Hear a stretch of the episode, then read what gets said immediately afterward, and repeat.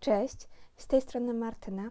Ja do Was przychodzę z kolejną propozycją e, dotyczącą e, książek na temat słowiańszczyzny, ale też e, takiego słowiańskiego trybu życia. I ta książka jak najbardziej wpasowuje się w tą tematykę. E, jest to e, książka Bułgaria, Złoto i Rakija Magdaleny Genow. Książka została wydana przez wydawnictwo poznańskie. E, sama Magdalena Genow o sobie napisała takie słowa, że z rocznika 88, jest filolożką, bułgarystką, politolożką, wydawniczynią książek, urodzoną w Bułgarii, wychowaną w Polsce. W wolnych chwilach przemierza bezdroże, nie tylko polskie i bułgarskie, na rowerze lub pieszo. Jest mamą Grzesia, Kalinki oraz wujki kotów, Markeza i Popowa. Ta książka y, jest napisana na pewno z wielkiej miłości do Bułgarii i do tradycji bułgarskich, a także zwyczajów czy obyczajów. To naprawdę widać na każdej karcie, że Magdalena Genow jest y, córką Bułgara i Polki, ponieważ ta książka jest napisana w taki ciepły sposób i właśnie z takim wielkim szacunkiem do Bułgarów i w ogóle Bułgarii i ludności tam zamieszkującej, że myślę, że ciężko, było, jest, ciężko byłoby to uchwycić y, innemu miksowi tożsamościowemu. Y, autorka w ogóle uchyla drzwi swojego domu rodzinnego i wprowadza do niego y, czytelnika, pokazując konkretne zachowania jej babci, jej e, rodziców. Mówi też o e, takim e, zbiorze przepisów swojej babci, któremu też poświęca parę akapitów w swojej książce. Jest to literatura faktu, ale pod pewnymi względami myślę, że jest to także przewodnik po bułgarskich tradycjach i obyczajach. Tak jak wspomniałam, autorka uchyla nam e, drzwi swojego rodzinnego domu, bierze nas za rękę i mówi: Chodź, ja ci pokażę, jaka ta Bułgaria jest w moich oczach. E, więc właśnie taka jest ta książka, jest ciepła, jest, ta, jest mimo, że z literaturą faktu i powinna być taka sucha, jak e, powinna kłaść kawę na ławę, tak tutaj jest ona tak przeplatana Y, z takim mm, wielkim ciepłem, wielkim szacunkiem do Bułgarii i właśnie z taką wielką, wszechogarniającą y, miłością. I to oczywiście wychodzi autorce na plus, że ta książka, tą książkę się czyta, ta książka się czyta sama, jak to się mówi. Oczywiście autorka w tej w książce Bułgaria, Złoto i Rakija nie wyczerpuje wielu wątków.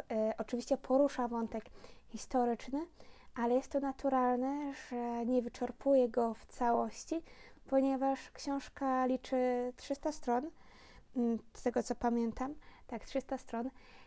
I e, tą książkę należy potraktować jako bodziec do dalszego czytania na temat Bułgarii.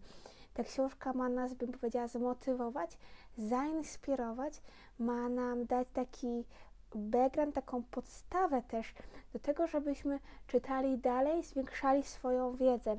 Dlatego też myślę, że pewne, e, pewne wątki w tej książce wyglądają tak, a nie inaczej, ponieważ no, ciężko jest mm, opisać, jest to prawie że pewnie nierealne, opisać całą historię Bułgarii tak bardzo szeroką, zbudowaną w, na 300 stronach i jeszcze zahaczyć o tradycję. Nie taki cel był tej książki, yy, oczywiście.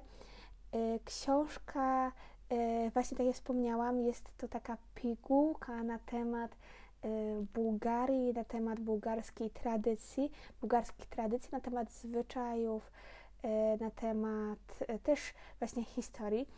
Najbardziej właśnie zainteresowały mnie te wątki na temat odnośnie tradycji kultury Bułgarów, a także stosunku do bułgarskich Cyganów, czy także do Imperium Osmańskiego, do tego dosyć dużego, długiego okresu w historii e, Bułgarii.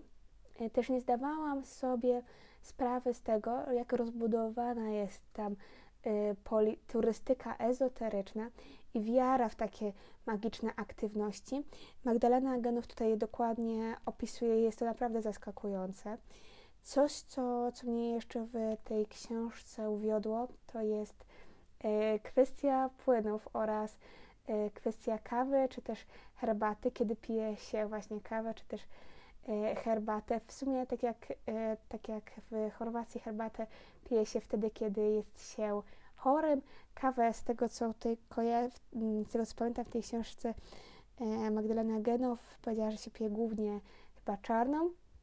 Mm, mówi też bardzo dużo o rytuale e, raki, a także o winie. Dlaczego wina w bułgarskie w Polsce nie cieszą się tak dużą sławą, a przecież bułgarskie wina są bardzo, bardzo dobre. Odnośnie raki, co mnie bardzo rozbawiło, że Bułgarzy najbardziej się bali, że po wstąpieniu do Unii Europejskiej nie będą robić, nie będą mogli tworzyć swojej własnej raki, takiej domowej raki wysokoprocentowej. E, na szczęście, na szczęście mogą, jest tak najbardziej e, legalne. E, też co mnie tak bardzo, bardzo, może nie tyle, że uwiodło, ale dało, skłoniło mnie do myślenia, jest takie stwierdzenie, które także jest tytułem jednego z rozdziałów, mianowicie naród, który zanika. Mianowicie w tym podrozdziale Autorka opowiada o ludziach młodych najczęściej, którzy wjeżdżają do stolicy, ale też za granicę i opuszczają wioski, których jest coraz, coraz mniej. E, jest to problem nie tylko w Bułgarii, tylko ogólnie na całych Bałkanach.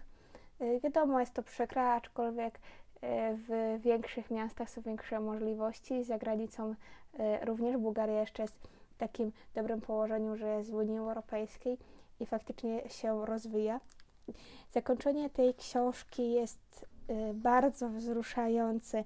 Tak jak w całej tej książce, Magdalena Genow wplata w swoje takie, bym powiedziała, prywatne y, wątki odnośnie jej życia rodzinnego, jak żyła jej rodzina w Bułgarii, czy żyje jej rodzina w Bułgarii.